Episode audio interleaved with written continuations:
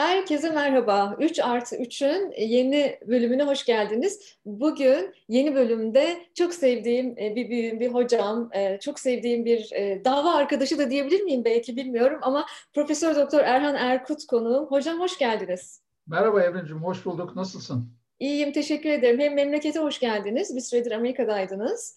Hem yayınıma hoş geldiniz, kanalıma hoş geldiniz. 3 artı 3'te sizi misafir etmek istedim. Çünkü 3 artı 3'ün şöyle bir esprisi var. Ee, biraz meydan okuyan konuklar istiyor diye düşünüyorum. Ben size üç tane soru yöneltiyorum. Siz bana üç tane soru yöneltiyorsunuz. Birbirimizle röportaj yapıyoruz. Ama espri şu, soruları birbirimize önceden söylemedik sevgili dinleyicilerim. Ne Erhan Hocam biliyor ona soracağım soruları ne ben onun bana yönelteceği soruları biliyorum. Hazırsanız başlayalım mı? Hemen. Peki birinci sorum geliyor Erhan Erkut'a. Hocam e, sizi zaten e, gencinden e, deneyimlisini herkes tanıyor memlekette ve memleket dışında ama hem e, ufak bir girizgahla sizi tanıtılmış da e, olurum böylelikle. Siz e, 1980'de Boğaziçi Üniversitesi Endüstri Mühendisliği bölümünden e, lisans eğitiminizi tamamlayarak mezun oldunuz ve e, memleketten gittiniz. Hemen mi gitmiştiniz? Orayı atlamayayım ben. Hemen. Bu, soru, bu soruma dahil değil. Hemen gittiniz ve e, 86'da Florida Üniversitesi'nde doktoranızı tamamladınız ama bu arada 85 ve 2005 arası şu anda benim bulunduğum yayını yaptığım e, ikinci memlekete yani Kanada'ya geldiniz. Kanada'da Alberta Üniversitesi'nde çok uzun yıllar hocalık yaptınız. E, onun detaylarını merak eden Google'dasın Eren Erkut'un özgeçmişini sayamayacağım kadar ödülü, başarı hikayesi var oralarda ve acayip bir şey oldu sonra 2005'te patladanak memlekete döndünüz. Alışa geldiğimiz bir şey değil. Bugünlerde üzerine çok konuştuğumuz bir şey tersine beyin göçü. 2005'te bir kente geldiniz. İşletme e, de, e, dekanlık yaptınız. Sonra e, akabinde Özyeğin Üniversitesi'nde rektör oldunuz. O dönemi hiçbirimiz unutmayız. E, belki konuşuruz da. 2014'ten bu yana da MEF Üniversitesi'nde rektör yardımcısısınız. Sorum şu, hocam niye geldiniz? Niye döndünüz bunca yıl sonra memlekete? Valla Evrim, e, herkes bunun altında böyle e, gizemli bir cevap arıyor. Acaba orada e, işte işverenle mi kapıştı veya eşinden ayrıldığı için mi döndü falan. Başı bir şekilde derde mi girdi falan. Benim cevabım o kadar banal ki sıkıldım ya. Yani Kanada'yı biliyorsun her şey o kadar düzgün ve düzenli ki. Yani belki de orta yaş krizi denebilir yani hayat bu mu ya dedim yani bu mudur? Hani tamam makale yazıyoruz işte fon buluyoruz doktor öğrencisi var e, kongrelere gidiyoruz. Ee, ama yani ben bunu 20 sene daha bunu mu yapacağım dedim. Bir baktım işte ne bileyim 40 tane makalem var. E dedim yani 40 daha olacak ne olacak? İşte 1 milyon para getirmişiz 1 milyon daha getireceğiz ne olacak? Her şeyi ikiye katla bu bana hiç heyecan verici gelmedi. Farklı bir şeyler yapılması gerekiyor dedim. Bir de Kanada'da yani öyle çok yeni bir şey yapma potansiyeli falan mutlaka var ama e, açlık yok. Toplumda bir açlık yok. Yani yetkin insan havuzu Kanada'da epey derin. Yani ben Kanada'da olmuşum olmamışım e, Kanada için çok fark etmiyor. Fakat e, yani her yıl Türkiye'ye geldiğimde görüyordum ki Türkiye'de bu yetenek havuzu, yetkinlik havuzu çok sığ. Burada yapacak çok daha fazla iş var. Bir de 2000'li yılların başında Türkiye bayağı bir şahlandı ekonomik olarak. Tabii işte bütün dünya şahlanıyormuş. Biz onu kendimize atfetmeyi çok iyi becerdik ama Kemal Derviş'in ekonomik planı uygulanmaya devam edildi. Ee, yani şu anda yaşananlara bakarsak şaşırtıcı olacak belki ama özgürlüklerde falan bayağı bir gelişmeler oldu. Ya dedim Türkiye'ye gitmek için doğru zaman galiba. Ki bu tarihte yani kızlarımın birisi 7, biri 9 yaşındaydı tamamen kök salmış durumdaydım Kanada'ya. Yani ev, evim vardı, bütün borcu ödenmiş falan. Ee, yani ve ömür boyu e, süreli kontratım vardı. Ee, ömür boyu garantili aylık gelirim vardı. Zaten eğitim ücretsiz, sağlık ücretsiz. Kanada'yı biliyorsun.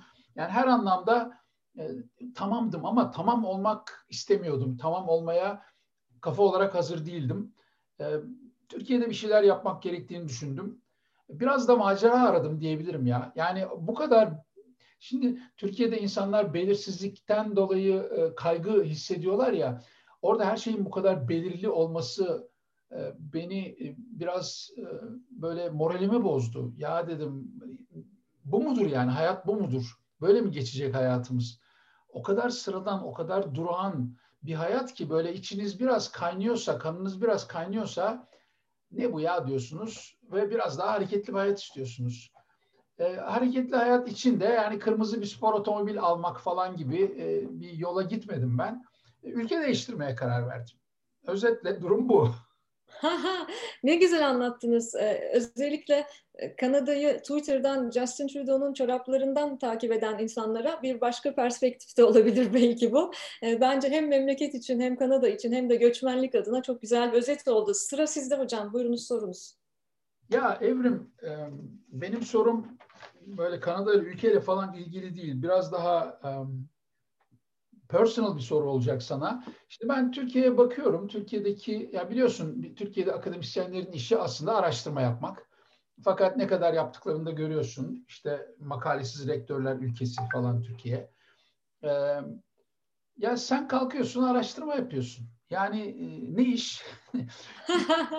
Bu dürtü nereden geliyor? Neden yapıyorsun bunu? Yani e, senin yaptığın işleri Türkiye'de birçok insanın yapması gerekirken onlar yapmıyor ama sen yapıyorsun. Halbuki senin araştırma yapmak gibi bir e, iş tanımın yok aslında. Yani öğretim üyesi değilsin, makale yazmazsan kimse seni işten çıkarmıyor. Böyle bir beklenti yok senden. Bu iç motivasyondan kaynaklı gayet net bir şekilde. Bu araştırma dürtüsünün nereden geldiğini yani ben bildiğimi düşünüyorum ama yine de dinleyicilerin bir duyması gerektiğini düşünüyorum ya. Teşekkür ederim hocam. Gerçekten güzel soru. E, bir de e, biliyorsunuz ben e, bir araştırma yapıp onun ekmeğini 5 yıl 10 yıl falan yemiyorum. Bir araştırmadan çıktıktan sonra daha o araştırmayı halka, medyaya, şirketlere, kurumlara sunmadan öbürünün hemen tasarımına başlıyoruz.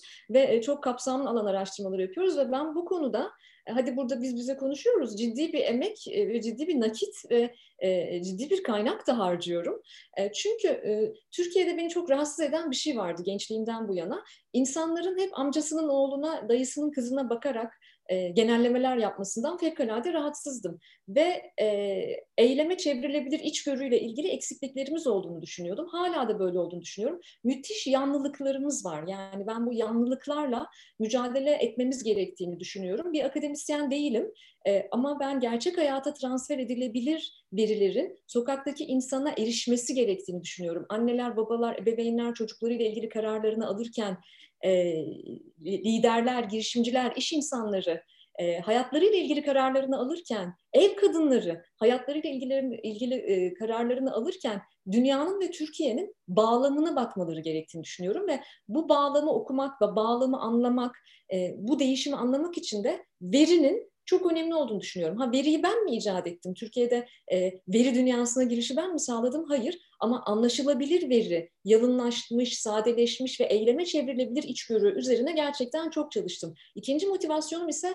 benim hayat amacımla, ulvi amacımla ilgili.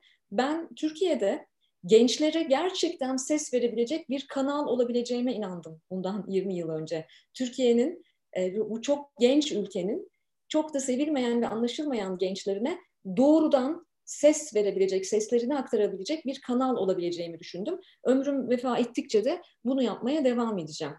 Teşekkür ederim bu soru için ve e, akademisyen e, olmadığımı hatırlattığınız için de bazen unutuyor olabilirim. Yanlış anlama. Bence sen e, sen gerçek akademisyen sensin. Yani görevin yok ama yani bak sen aslında içgörü yaratmaya çalışıyorsun meraklısın mı? Bir de aktivistsin. Yani birilerine de ses olmaya çalışıyorsun. Yani e, bu ikisini birleştirebilen akademisyen sayısı sen action research yapıyorsun, uygulamalı araştırma evet. yapıyorsun ve hiç durmadan yapıyorsun. İnanılmaz bir iç motivasyonun var. Bunları birleştirebilen akademisyen sayısı o kadar az ki sen ben akademisyen dediğin zaman değilim dediğin zaman ben ya sen akademisyen değilsen akademisyenler neci? Onlar akademisyense sen necisin diye sormak durumunda kalıyorum. Sen gerçekten e, olması gerektiği gibi bir akademisyensin. Senin sadece bir akademik görevin yok. E, çünkü doktora almakla uğraşmamışsın ve üniversitenin e, iç daraltıcı, boğucu ortamına girmeyi reddetmişsin. Çok da doğru yapmışsın çünkü seni de adam edebilirdi üniversite ya da bu yoldan eril dili, dili bilerek kullandım. Evet. Aslında başladım. Belki hatırlarsınız konuşmuşuzdur sizinle. Bir gün sürdü benim doktora maceram. Biliyorum, biliyorum, ee, biliyorum. Başladım. Bir programa kabul edildim. E, birinci gün e, e, benim yani benim hayatım çok kısa dedim. Yapılacak çok fazla işim var. E, çok ve e, ve e, ayrılmak durumunda, devam etmemek durumunda kaldım ama tabii içimde bir uhdeydi. Ama belki bu vesileyle güzel bir haber verebiliriz. Erhan Hocam'ın bende yarattığı e, motivasyon sayesinde bu kadar işin gücün yoğunluğun arasında ben bir miktar akademiye bir ucundan e, dönüyorum diyelim. İnşallah e, pek yakında e, doğrudan öğrencilerimle buluşacağım e, bir hocalık e, hayatım olacak inşallah hocam. Söyleyelim mi buradan bunu? Erken mi olur bilmiyorum. Türkiye'de en çok ihtiyaç olan ders konusunda evrimci. Sürpriz olsun o zaman. Çok net. Evet. Türkiye'de evet. en çok ihtiyaç duyduğumuz ders nedir diye dinleyiciler düşünmeye başlasınlar. Evet. Çok yakında. kısa falan demeyin ama lütfen. çok kısa bir süre sonra e, e, özenle hazırladığımız bu e, ders programında genç arkadaşlarımla, lisans öğrencileriyle belki bilmiyorum yüksek lisansta olabilir ileride ama e, buluşacağım. Çok heyecan duyuyorum bundan. E, bu da hocamın bende yarattığı motivasyon. Sıra bende. İkinci sorumu hocama soruyorum. Hocam şimdi e, 21. yüzyıl yetkinlikleri diye bir mevzu üzerinde acayip duruyoruz son zamanlarda. Zaten hani e, bu işte e, konferans konuşmacılığı müessesesinde e, şayet bu bir kariyerse kariyerini bunun üzerine inşa etmiş insanlar sahneye çıktığında veya şimdilerde dijital ekranın karşısında bol bol 21. yüzyıl yetkinliklerinden bahsediyoruz ama galiba Türkiye'de 21. yüzyıl yetkinliklerini şöyle bir Google'lasak ilk karşımıza siz çıkarsınız. Ee, sizinle e, neredeyse e, bir şekilde e, eşleşmiş bir kavram oldu. E, sorum şu, niye bu kadar kafayı taktınız 21. yüzyıl yetkinliklerine hocam? Yani bir dolu işiniz gücünüz var. Niye bu işe bu kadar kafayı taktınız? Çünkü ben özellikle bu ifadeyi kullanıyorum. Kafayı takmak tam olarak sizin durumunuz. E, haklısın. Aslında üzülerek söylüyorum 21. yüzyıl yetkinliklerini Google'ladığın zaman ilk ben çıkmıyorum. Tek ben çıkıyorum. bu, bu, ben bundan da utanıyorum ha. Yani 21. yüzyılın 21. yılına geldik bu konu hala Türkiye'de e, her evde, e, her kurumda konuşulan bir konu değil. E, buna kafayı takma sebebim aslında çok basit, pragmatik.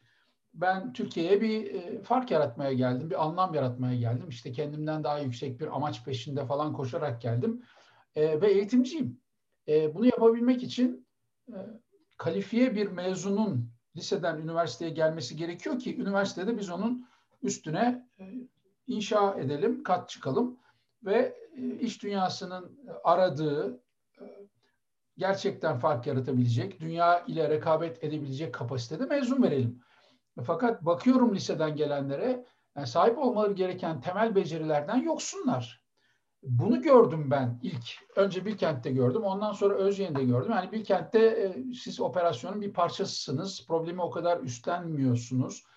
Gerçi yine üniversiteye giriş türü bir ders orada da verdim. işletmeye giriş dersi adı altında. Ama Özyeğin'e geldiğimde e, problem tam benim problemim haline geldi. Şimdi bir e, yatırımcıyla birlikte çalışıyorsunuz. E, yani yatırımcı ne bileyim böyle 300 milyon, 400 milyon gibi rakamlar yatırıyor bu işe. Ve bunun sonunda da hakkı diye düşünüyorum çok iyi bir çıktı bekliyor. E, ama o çok iyi çıktığının olması için girdinin belli bir kalitede olması lazım. Girdi o kalitede olmayınca siz girdiği lise mezununun sahip olması gereken yetkinliklere sahip olabilsin diye yeniden formatlamak zorunda kalıyorsunuz ve üniversite eğitiminin en az bir yılı belki iki yılı boşa gidiyor. Ve ben bunu üniversitenin çok büyük bir problemi olarak gördüm. Yani başka her şeyi bir kenara bırakıp önce bunu çözmemiz gerektiğini düşündüm. Ve biraz araştırdım. Yani ben gelen çocukların genel yetkinlik seviyelerinden memnun değilim ama hani bu bir modellenmiş mi, tanımlanmış mı, bunun bir yerde derli toplu bir yazılımı var mı diye. E, maalesef Türkçe kaynaklarda hiçbir şey yok. E, ondan sonra senin de e, bu, bulduğun, kitabında bahsettiğin P21 sitesini buldum. Ve oradaki 21. yüzyıl yetkinliklerinin e, tanımını çok e, kapsamlı buldum. Birkaç kaynaktan daha buldum ama en iyisi oradakiydi. E, ve hakikaten eğitimci olarak da ha dedim işte bu. Bunlar gerekiyor 21. yüzyılda başarı için. Sonra bu konuyu insan kaynakları uzmanlarıyla konuşmaya başladım. Hepsi evet dediler. Yani biz de yaratıcılık istiyoruz, inisiyatif alınsın istiyoruz. İşte eleştirel düşünme, problem çözme, işbirliği, iletişim, liderlik, sorumluluk alma, teknoloji okuryazarlığı sayıyorlar ama böyle bölük pörçük sayıyorlar. böyle ad hoc dediğimiz şekilde çıkıyor ortaya. E, anekdotal şeyler anlatıyorlar. İşte bir öğrenci geldi dilekçe yazmayı bile bilmiyordu. Bir öğrenci geldi sunum yapamıyordu falan. E, bir baktım o insan kaynakları uzmanlarının yaptığı şikayetlerle bu P21'in sitesindeki model e, çok güzel örtüşüyor. O zaman dedim bu konuda bizim bir bir şey yapmamız lazım, bir inisiyatif geliştirmemiz lazım.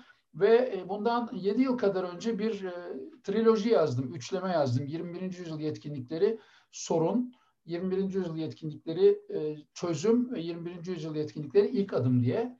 Ve yani kendi üniversitemde ilk adımı atmaya başladım ama yani sadece bir üniversitede bu problemi çözmek yetmiyor. Çünkü benim amacım bir üniversiteyi bir yere getirmek değil sadece. Topluma dokunabilmek, olabildiğince geniş bir çevreye dokunabilmek. Bu yüzden de farklı kurumlarla işbirliği çabalarında bulundum. 21. yüzyıl yetkinliklerine girişim tamamen bir ihtiyacı fark etmek. Yani aslında girişimcinin bir aydınlanma anı gibi düşünebilirsin.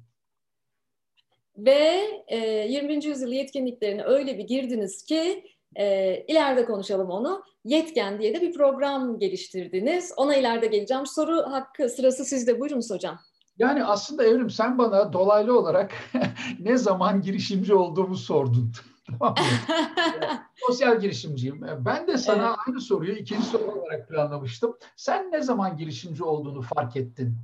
Ee, ben e, girişimci e, olmadığımı zannediyordum. Yani girişimcilikle bir alakam yoktu açıkçası benim veya öyle zannediyordum. E, bir baktım ki benim girişimci olmaktan başka çarem yokmuş.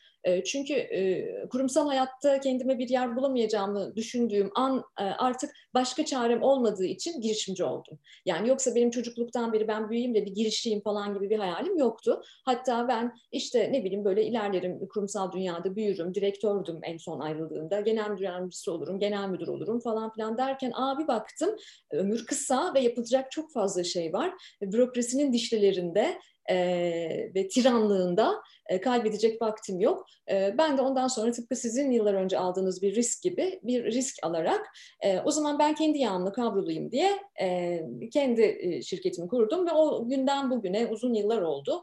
E, girişimciliğim devam ediyor. Ama tabii ki ben de sosyal girişim cilik e, üzerinde de çok e, yakından özellikle geldiğim yaş ve deneyim seviyesinde artık çok e, yakından ilgiliyim. Girişimcilik Seth Godin çok güzel tanımlar. Dünyada çözülmesi gereken bir problemi keşfedip o problemi çözmek isteğidir der. E, benim de böyle bir haddini aşan eylemlilik halim vardı. Yani böyle bir bir problemi çözmek üzere benim bu dünyada varoluşum tanımlanmalı diye. E, benim için de jenerasyonlar ve özellikle genç jenerasyonla empati kurulamaması bir problemdi. Dünyanın çözmesi gereken bir problemdi. E, ben dünyanın problemini çözmeyeyim, Türkiye'deki problemi çözeyim derken Türkiye'de başlayan girişimcilik e, deneyimim e, dünyanın çeşitli ülkelerine, çeşitli kıtalarına yayıldı ve şu anda e, global bir organizasyonun parçasıyım. E, ve Türkiye liderliğini yapıyorum aynı zamanda. E, benim hikayem böyle. Mecbur kaldık hocam. Kimse durduk yere hadi ben gideyim de girişimci olayım der mi? Mecbur kaldık yani. Yani aslında sen e, tabii çok çok başarılı bir kurumsal yönetici olabilirdin. E, olmayı reddettin. Yani sen kendini e, herhalde e, unemployable olarak tanımlıyorsun değil mi? Çok net. E, ben istihdam edilemez biriyim. Çünkü buradan da bir itiraf gelsin. Zaten beni mülakata bile çağırmadı ki şu anda danışmanlığını yaptığım pek çok şirket. Ben gençken. Ya, ya sen ben bunlarla uğraşamam diyorsun. Onlar da biz bununla uğraşamayız diyorlar. Ee, evet. Aslında yani aşağı yukarı benim için de durum aynı olurdu herhalde. Ben biraz daha şanslı bir noktadan başladım. Çünkü ben maaşlı girişimciyim. Yani evet. bir yandan işte üniversiteden maaşım varken bir yandan da üniversiteyi de ilgilendiren bir konuda bir sosyal girişim. Bence senin yaptığın daha saygı duyulası bir şey. Sen yani tabiri caizse çuvalla para kazanabilecek iken ben burada mutlu olamam kardeşim deyip e, iş dünyasını reddetmiş e, kurumsal refugee diyoruz bunlara. evet, göçmenlik bizim işimiz. Göçmenlik bizim işimiz hocam her türlü. Ben de e, işin bu tarafına göçtüm. Şimdi tabii e, bilmiyorum tesadüf mü, tevafuk mu nasıl açıklarız ama e, o gençlik yıllarımda bir araya gelmeyi ve onlar için çalışmayı, o kurumlarda çalışmayı çok arzu ettiğim ve beni birinci mülakata bile davet etmeyen şirketlerde şimdi masanın bu tarafında buluşuyoruz. Bunları da konuşuyoruz. O yüzden bence gerçekten e, istihdam e, edilemez ve istihdam edilmez e, ve işsiz arasındaki farkları bence 21. yüzyılda çok iyi anlamamız gerekiyor. Ve benim son soruma geliyorum. 3 artı 3'ün benim tarafımdaki son sorusu. Ee, az önce size sorduğumda ıı, sosyal girişimlere de geldi konu. E, yetkene de geldi. E, bir yetkinlik gelişimi e, programı uzun yıllardır Türkiye'de tasarlıyorsunuz. Ama bu sene bir şey oldu. E, henüz bilenler çok az olabilir. Çok yeni bir e, bebek mi diyeyim. Ama e, bir de yetken koop var. Bir kooperatif kurdunuz siz.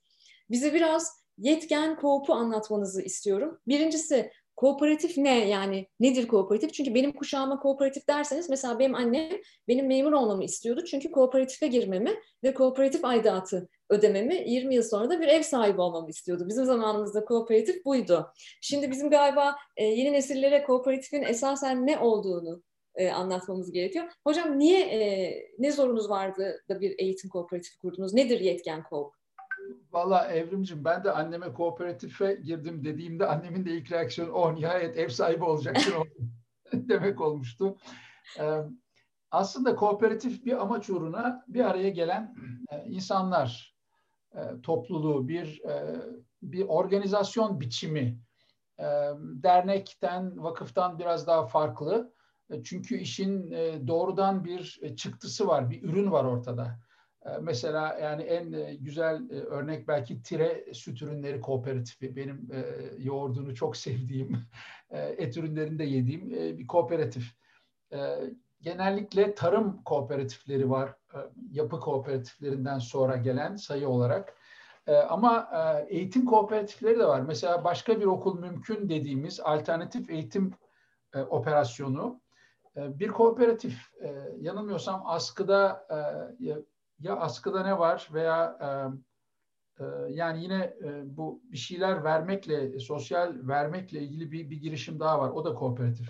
E, ihtiyaç çıkarım. haritası mesela değil mi? Mert Harita'nın sözcülüğünü yaptı. İhtiyaç haritası. İhtiyaç haritası. Tabii askıda ne vardı bir sosyal girişim ama kooperatif formu ihtiyaç haritasında ihtiyaç galiba. Haritası, evet, evet. Ben açıkçası bunun bir dernek mi, vakıf mı, kooperatif mi yoksa anonim şirket mi olması gerektiği konusuna biraz kafa yorduktan sonra e, en uygun operasyonun kooperatif olduğuna karar verdim. Çünkü öğretmenler bir araya geliyorlar ve e, eğitim hizmeti veriyorlar. E, bunun da en uygun yapılış formatı kooperatiftir diye düşündüm.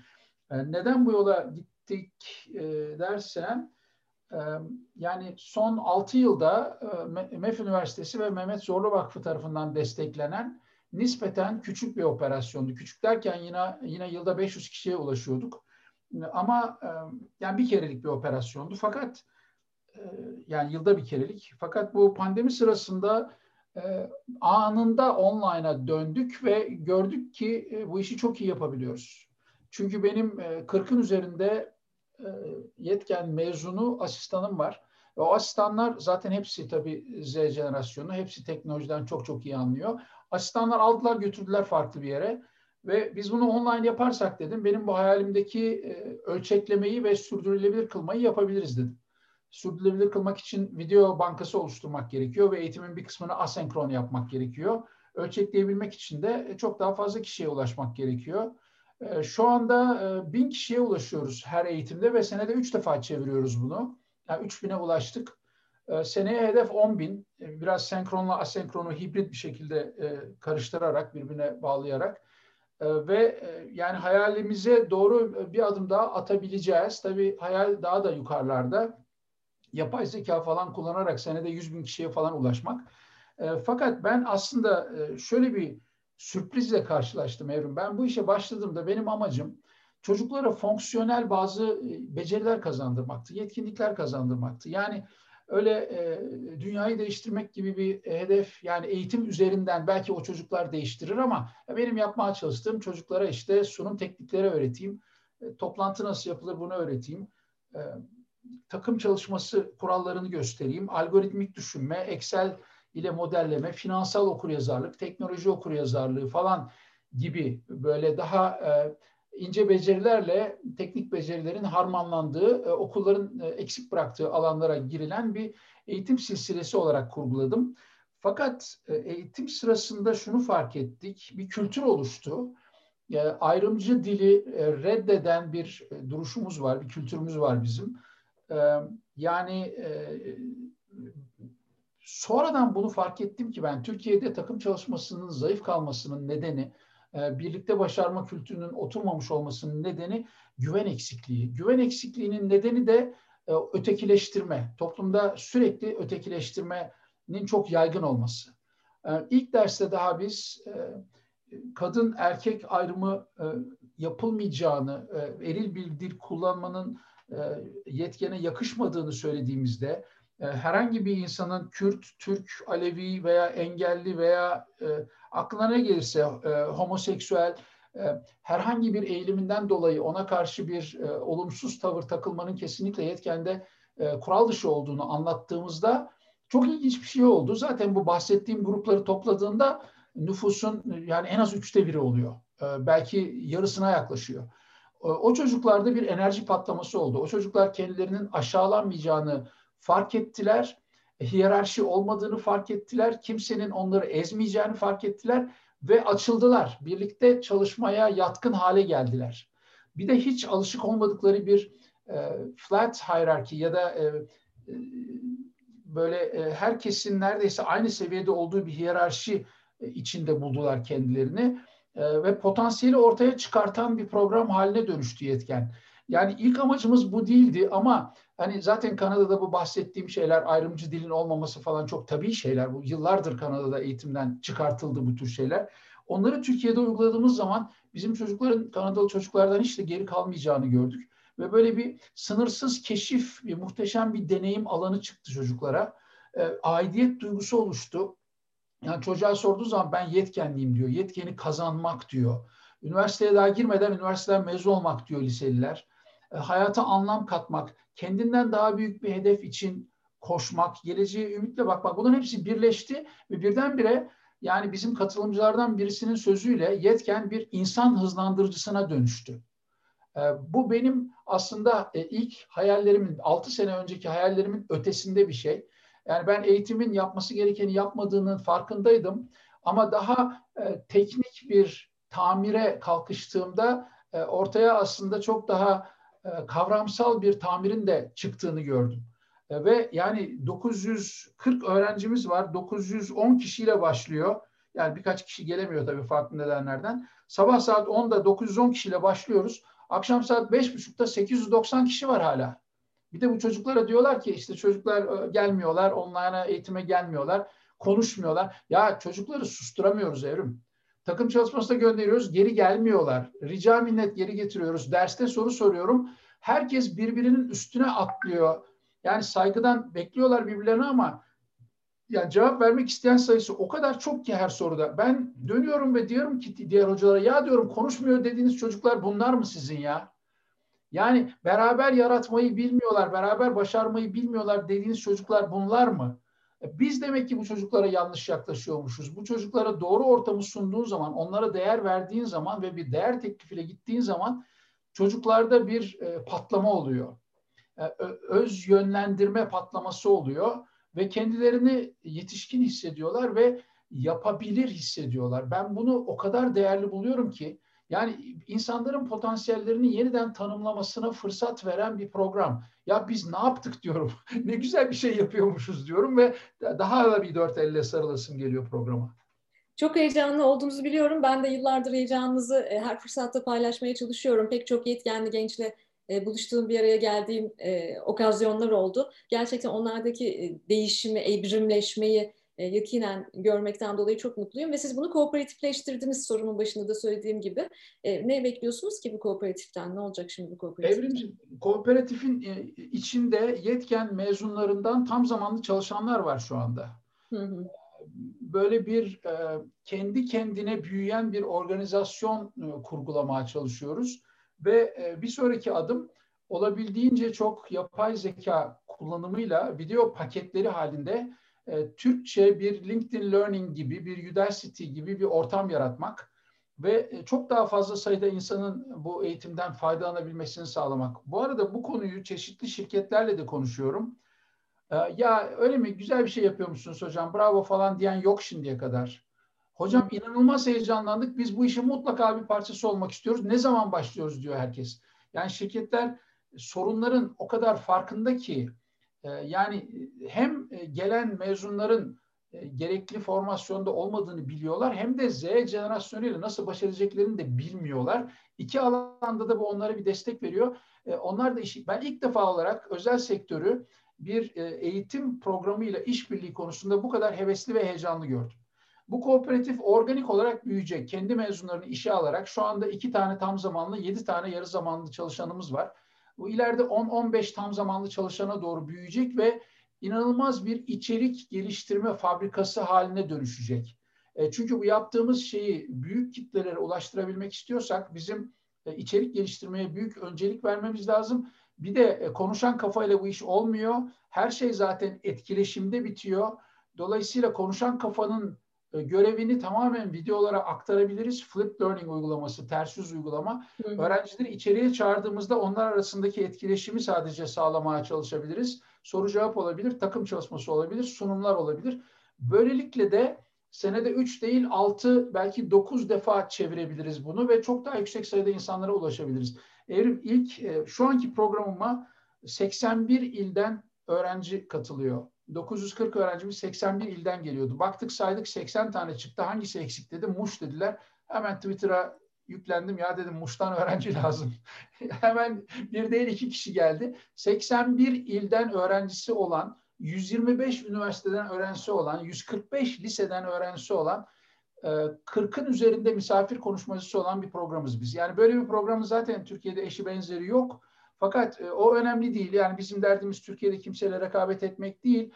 E, olabildiğince çok insana dokunmak. Bunun da ancak kooperatifle mümkün olabileceğini düşünüyorum. Yani bu iş Erhan Erkut'un projesi olmaktan çıkmalı. Bu iş e, öğrenciler tarafından üstlenilmeli ve onlar tarafından büyütülerek götürülmeli. Zaten şu anda e, kendi kendine e, yönlendirilen bir akran öğrenmesi ortamı var. Ben bir şey söylemiyorum. Çocuklar kendi kendilerine sunum kulübü kuruyorlar. E, her hafta kendi aralarında toplanıyorlar. Discord üzerinden sunumlar yapmaya başlıyorlar. İngilizce kulübü var. İngilizce aksanlarını geliştirmeye çalışıyorlar. Excel kulübü var. Farklı işte Excel modellerini birbirleriyle değiş tokuş ediyorlar. E, böylelikle kendi kendini organize eden bir öğrenme topluluğu kurduğumu fark ediyorum. Hiçbir üniversitenin hayal bile edemediği bir şey bu. 21. yüzyılın eğitim kurumu budur Evrim. Beni en çok heyecanlandıran şey bu. E, çocuklar görüyorlar. Bunun için büyüklere ihtiyaçları yok. Harika. Zaten e, bu noktada e, e, ben kitapta da bahsetmiştim. Siz aslında Türkiye'de flipped learning yani ters yüz edilmiş öğrenme kavramını rahatlıkla söyleyebilirim. Türkiye'ye getirmiş ve üniversitesinde bizzat uygulayan bir lidersiniz, bir eğitim liderisiniz. Ve ben bunun gerçek hayata transferinin ne kadar önemli olduğunu yıllardır anlatıyorum. Flipped Learning'in evden eğitim kurumuna yansıyacak biçimde. Bu yüzden de bol miktarda reverse mentoring tersine mentorluk programları da tasarlıyoruz. Üstelik yetkenli gençler de çok katılıyor bizim programlarımıza. Yanı sıra da peer learning yani akran öğrenmesinin mutlaka cesaretlendirilmesi gerektiğini hatta bunun pandemide okulları açalım mı açmayalım mıdan daha önemli bir önceliğimiz olduğunun da e, galiba bu çağda farkına varmalıyız. Size soru pası atmadan e, buraya hemen şöyle bağlayacağım. E, kimlerle kurdunuz Yetken Korku? Yetken Kimler Korku var? kurucuları arasında e, yani bu işe uzun yıldan beri kafa yoran Evrim Kur'an var. o zaman bu bizim lansmanımız olsun. Evet, e, ben de çok onur duyuyorum Yetken Kork'un kurucu kurulunda olmaktan. Kurucu çok mutluyum. Evet, yönetim kurulu üyesi. Murat Yalnızoğlu var. Benim yani ortaokuldan, liseden, üniversiteden, yüksek lisanstan arkadaşım ve aynı zamanda MEF Üniversitesi Profesyonel Gelişim Merkezi'nin koordinatörü, direktörü. İnsan kaynakları geliştirme konusuna özellikle kafa yoran birisi Murat Yalnızoğlu. Erdal Yıldırım var. Koç Vakfı'nın yanılmıyorsam 15-17 yıldır falan müdürlüğünü yapmış birisi. STK'lar konusunda, sivil toplum konusunda çok deneyimli birisi. Selçuk Şirin hocamız var. O da daha genç öğrencilere eğitim konusunda bir misyoner. Tülin Erdem hocamız var. NYU'da pazarlama hocası. O da daha çok doktora seviyesinde öğrencilere yol göstermeye çalışıyor. Ya böylelikle bütün spektrumu bir katkıda bulunmaya çalışıyoruz. Aslı Erinç var. MEF Üniversitesi Kurumsal İletişim Direktörümüz. Yıllardır üniversite içinde çalışan birisi olarak öğrencileri çok iyi tanıyan ve neler yapılması gerektiği konusunda çok kafa yormuş birisi. Bir de Umre Metin var. Umre de 5 yıl yetkenin direktörlüğünü yaptı. İlk, ilk yıl böyle kağıtları falan dağıtarak asistan olarak başlamıştı. Ondan sonra bu liderler sistemini kuran, yetkenin kültürünü geliştiren, yetkene yani benim kadar katkısı olmuş olan birisi diyebilirim. Danışma danışman olarak görev yapıyor şu anda liderler ekibine. Böyle bir yedi kişilik grupla başladık. Bunun yanında dediğim gibi iki tane tam zamanlı, yedi tane part time çalışanımız var. 40 kadar da gönüllü asistanımız var. Gönüllü asistanların bir kısmı yarı zamanlı çalışan oluyor. Ondan sonra onların bir kısmı tam zamanlı çalışan oluyor. Böyle de bir e, kariyer patikası da sunabiliyoruz. Çok ilginçtir. Potansiyeli çok yüksek insanlar şirketlerde çalışmak yerine e, bizde gönüllü çalışmayı veya düşük bir ücretle çalışmayı tercih ediyorlar. Çünkü burada yaptığımız işi e, tamamen içselleştirmişler ve nereye gittiğimizi görüyorlar. E, topluma faydalı e, olduklarını görüyorlar. Şirketler onlara bu şekilde dokunamıyor maalesef. Bu harika. Ee, ilk günden beri çok heyecan duyuyorum yetkin, yetkenle ilgili ama yetken kovup hayata geçtiğinden beri heyecanımız katlandı tabii.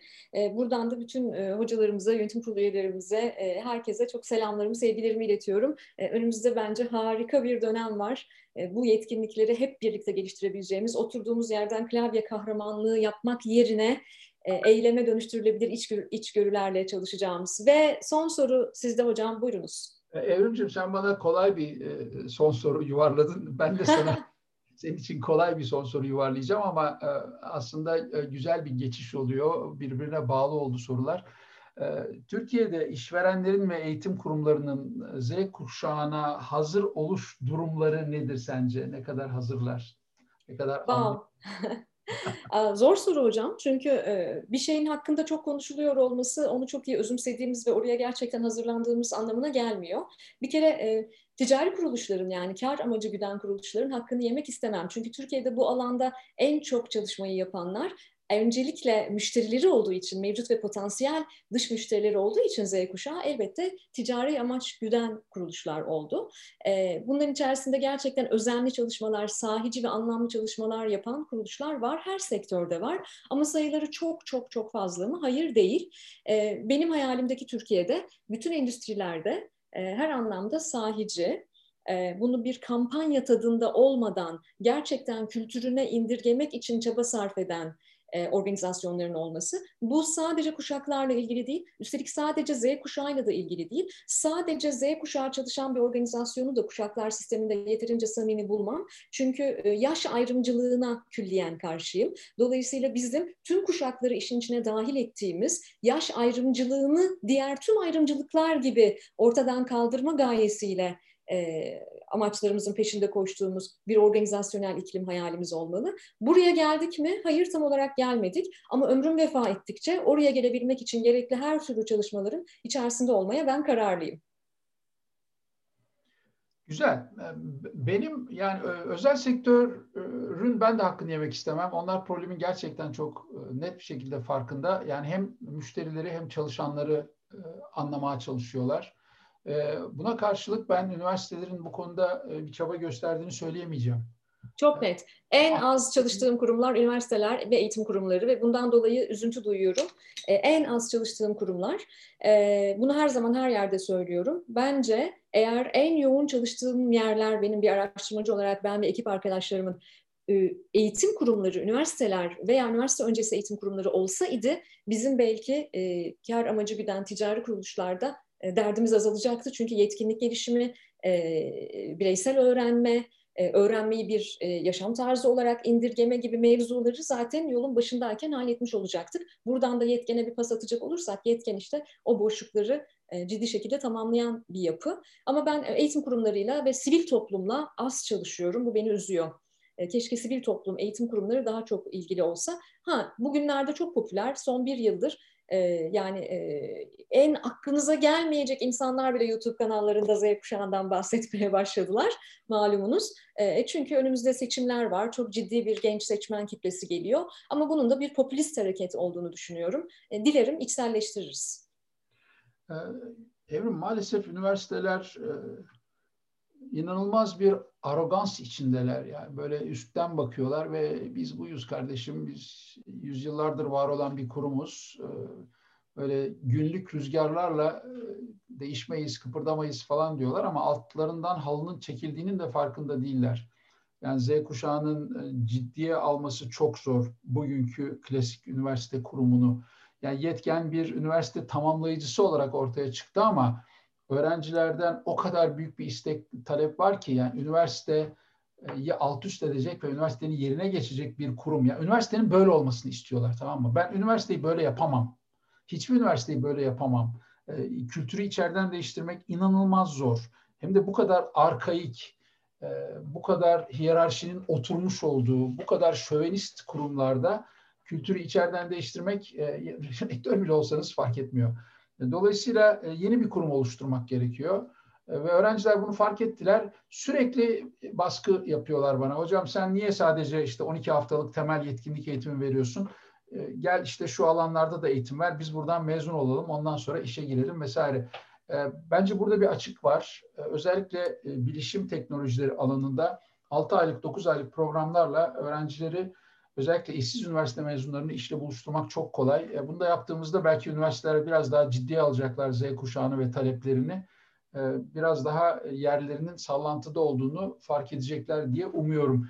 E, sen bu aralar bir kitap yazıyorsun biliyorum. Ben de bir kitap yazıyorum. Eğitim de değişim veya eğitim sende diye bir kitap olacak. Orada üniversitelerin neden çok hızlı bir şekilde e, evrilmeleri ya da evrilmezlerse evrilmeleri gerektiğini ve evrilmezlerse neden devrileceklerini anlatmaya çalışacağım. Belki okuyan olur bilmiyorum. Harika. Okuyan olur elbette. Okuyan olur, dinleyen olur. Artık sesli kitaplarda var. E, bilgiye erişmek için her türlü kaynak var. O zaman tekrar buluşuruz. Bir yayın daha yaparız. E, benim kitapla sizin kitapla çok konuşacak öyle görünüyor. E, çünkü evrilmezse ne olur ben e, yazdım. Niye göçüyor bu gençler? E, bugün e, konuğum 3 artı 3'te Profesör Erhan Erkut'tu. Ben yıllardır onu tanımlarken hep şöyle bir cümle kullanırım. E, onun da az evvelki konuşmalarına pas atarak noktayı koymak istiyorum veya noktalı virgülü diyelim. Zerre akademik kibiri olmayan çok önemli bir bilim insanıdır Profesör Doktor Erhan Erkut. Onu tanıdığım için çok mutluyum, çok şanslıyım ve sayısının artmasını dilediğim bilim insanlarından biri Türkiye'de ve dünyada. Çok teşekkür ederim yayınıma geldiğiniz için. Yine görüşeceğiz tabii ki. Çok sağ ol Evrimciğim. Ben de sana çok teşekkür ediyorum. Ee, Türkiye'nin en önemli gizli akademisyenisin. Sağ ol, var ol. teşekkür ederim. Kendinize iyi bakın. Görüşmek üzere. Görüşmek üzere.